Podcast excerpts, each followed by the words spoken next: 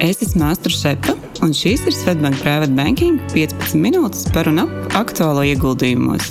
Katru piekdienu kopā ar kolēģiem un arī viesiem apspriedīsim karstākos jaunumus finanšu tirgos un labklājības veidošanas tēmās, lai aizraujoši klausīšanās.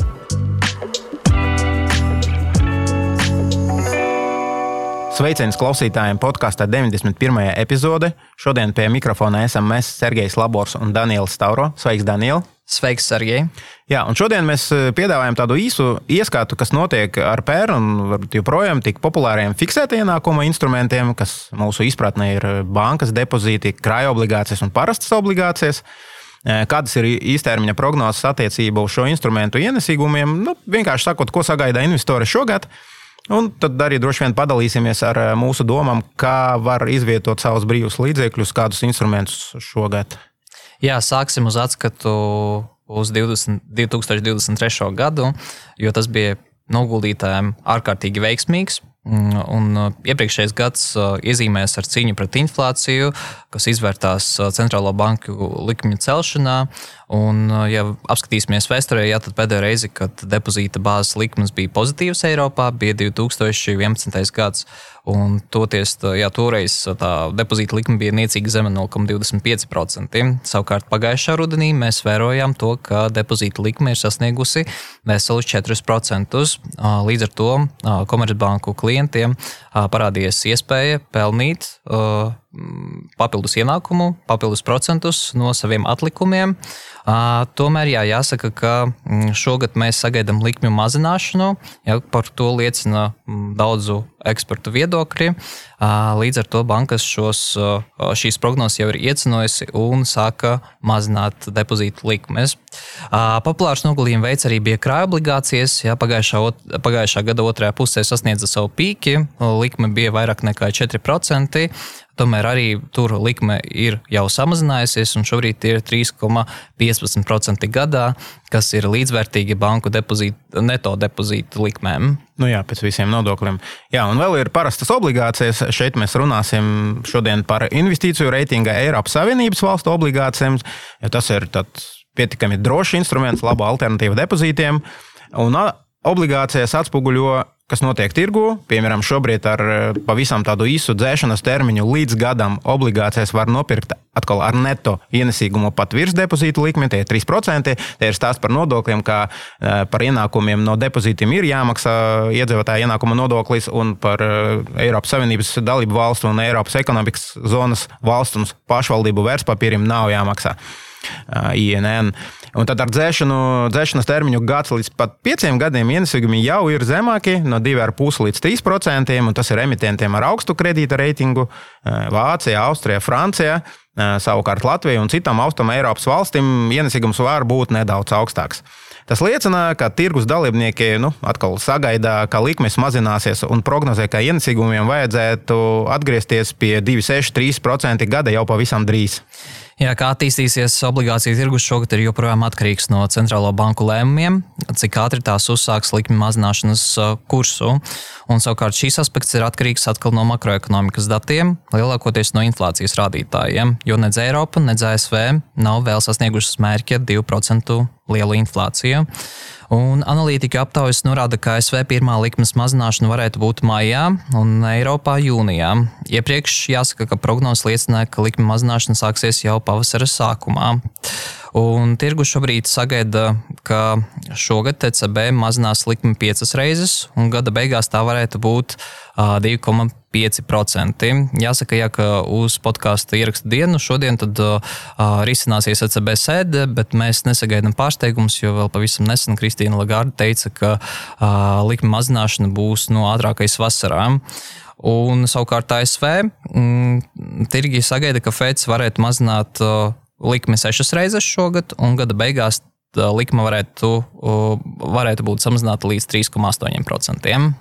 Nu jā, tāpēc domājot par to, kā šobrīd noguldīt, ieguldīt efektīvāk līdzekļus, es domāju, galvenā dilēma būtu, vai šobrīd piefiksēt augstu gada ienesīgumu, vai uzreiz plānot savas investīcijas, varbūt nedaudz ilgāka termiņa.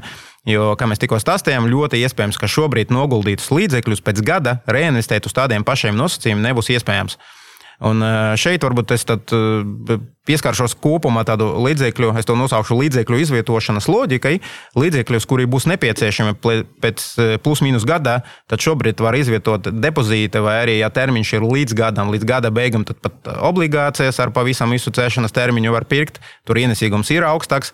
Ja plānojat iztenot kādu mērķi, tāda vidēja perspektīva un nauda būs nepieciešama pēc diviem, trīs, četriem gadiem, tad es eh, skatītos uz obligācijām ar atbilstošu dzēšanas termiņu. Eh, tur arī ienesīgumi šobrīd ir augstāki par depozītu likmēm. Nu, atkal ņemot vērā nodokļu aspektu, vai arī var diversificēt riskos, arī skatīties uz, uz, uz obligāciju fondiem, nu, ja termiņš ir no trīs gadiem un vairāk. Kā piemēru starp fondiem varam minēt tieši Svetbanka pārvaldītos Svetbanka Robur fondus, kas tieši iepriekšējā gadā guva pietiekoši lielu atzinību un popularitāti klientu vidū.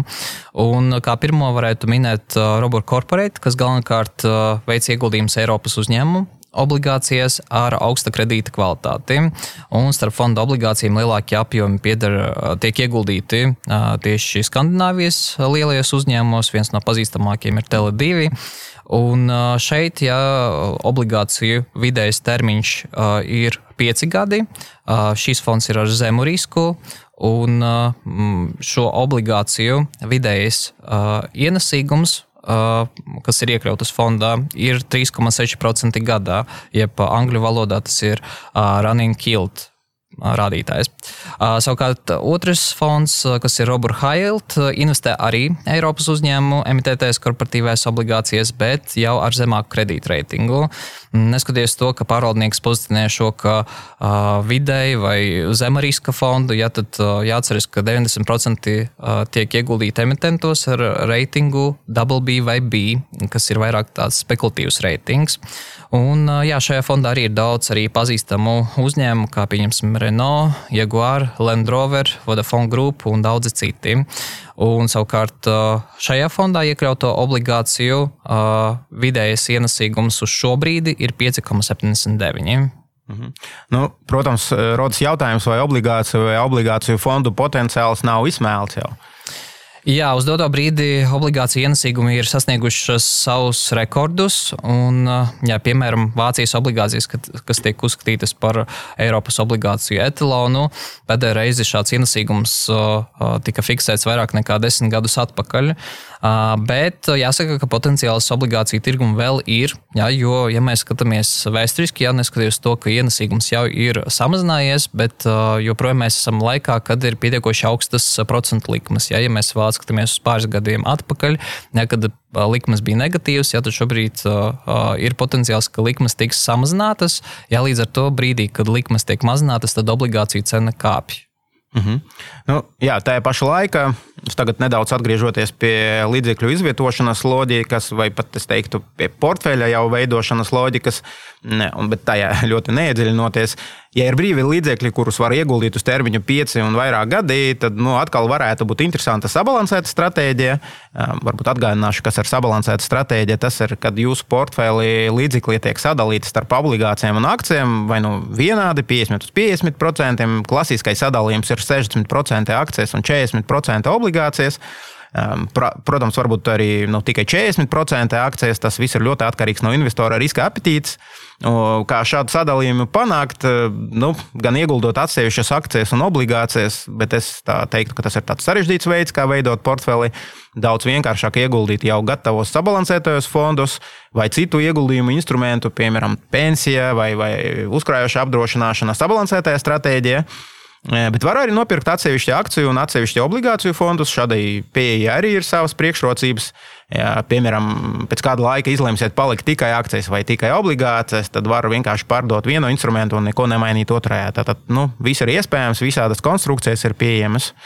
Jā, piekritīšu, jo ieguldot obligācijas noteikti ir vērts atcerēties arī par akcijām. Jā, jo, ja mēs skatāmies uz Eiropas ekonomiku, jā, tad šobrīd attīstības potenciālais scenārijs ir maigā recesija. Šīs gads jau Eiropā ir iesācies ar tādu vieglu recesiju, bet analītiķi sagaida, ka mēs varētu jau otrajā gada pusē sagaidīt Eiropā ekonomisko izaugsmi. Savukārt ASV ekonomikai prognozes ir nedaudz pozitīvākas. Arvien vairāk eksperti uzskata, ka ASV izdosies izvairīties no ekonomikas lejupslīdes šogad. Un, protams, ASV ideālā variantā tirgiem inflācija būtu jāsamazinās bez būtiskā bezdarba līmeņa pieauguma, kas arī šobrīd notiek. Ja, jo šobrīd inflācija ir sarukusi straujāk nekā to bija prognozējuši. Savukārt darba tirgus atdzies, bet tajā pašā mirklī nesabrūk. Un, nu, jā, laikos, kad ekonomikā viss ir labi, tad tas arī pozitīvi ietekmē uh, tirgu. Mhm. Jā, nu, jā, šie būs noteikti galvenie faktori, un ir galvenie faktori parasti, kas ietekmē akciju cenas. Un, bet jāatzīst, ka šobrīd ir gan labvēlīgas, gan varbūt ne visai labvēlīgas prognozes attiecībā uz pasaules ekonomikas attīstību šogad. Bet vēl vienu faktoru gribēju pieminēt, tas ir likmēm pieaugot 22. un 23. gadā. Milzīgas summas tika izņemtas no tirgus un tika ieguldītas tā saucamais money market instrumentus. Nu, tas drīzāk ASV, tas ir pavisam īsas parāda zīmes ar termiņu līdz trīs mēnešiem vai arī depozītos. Un uz pagājušā gada beigām money market instrumentus bija ieguldīti 6 triljoni dolāru. Uh, Wall Street Journal pat raksta, ka gandrīz 9 triljoni, bet tas, nu, laikam, kopā ar depozītiem.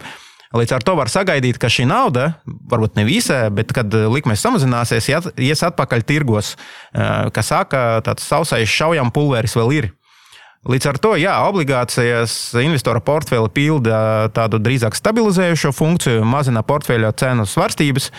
Bet no otras puses, ieguldot tikai obligācijas, ilgtermiņā pasargāt savu naudu no inflācijas būs grūti, un vēl grūtāk gūt eh, peļņu krietni virs inflācijas radītājiem. Līdz ar to piekrītu ilgtermiņā peļņu nodrošina drīzāk akcijas.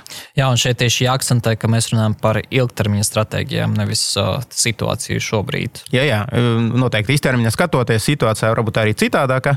Un, jā, ja mēs salīdzinām šo aktīvu veidus un to ienesīgu, vēsturiskos ienesīgumus, jā, tad pieņemsim šobrīd piecgadīgās obligācijas var iegādāties ar 2-3% lielu ienesīgumu un savukārt desmitgadīgās obligācijas var līdz pat 5% lielu ienesīgumu iegādāties.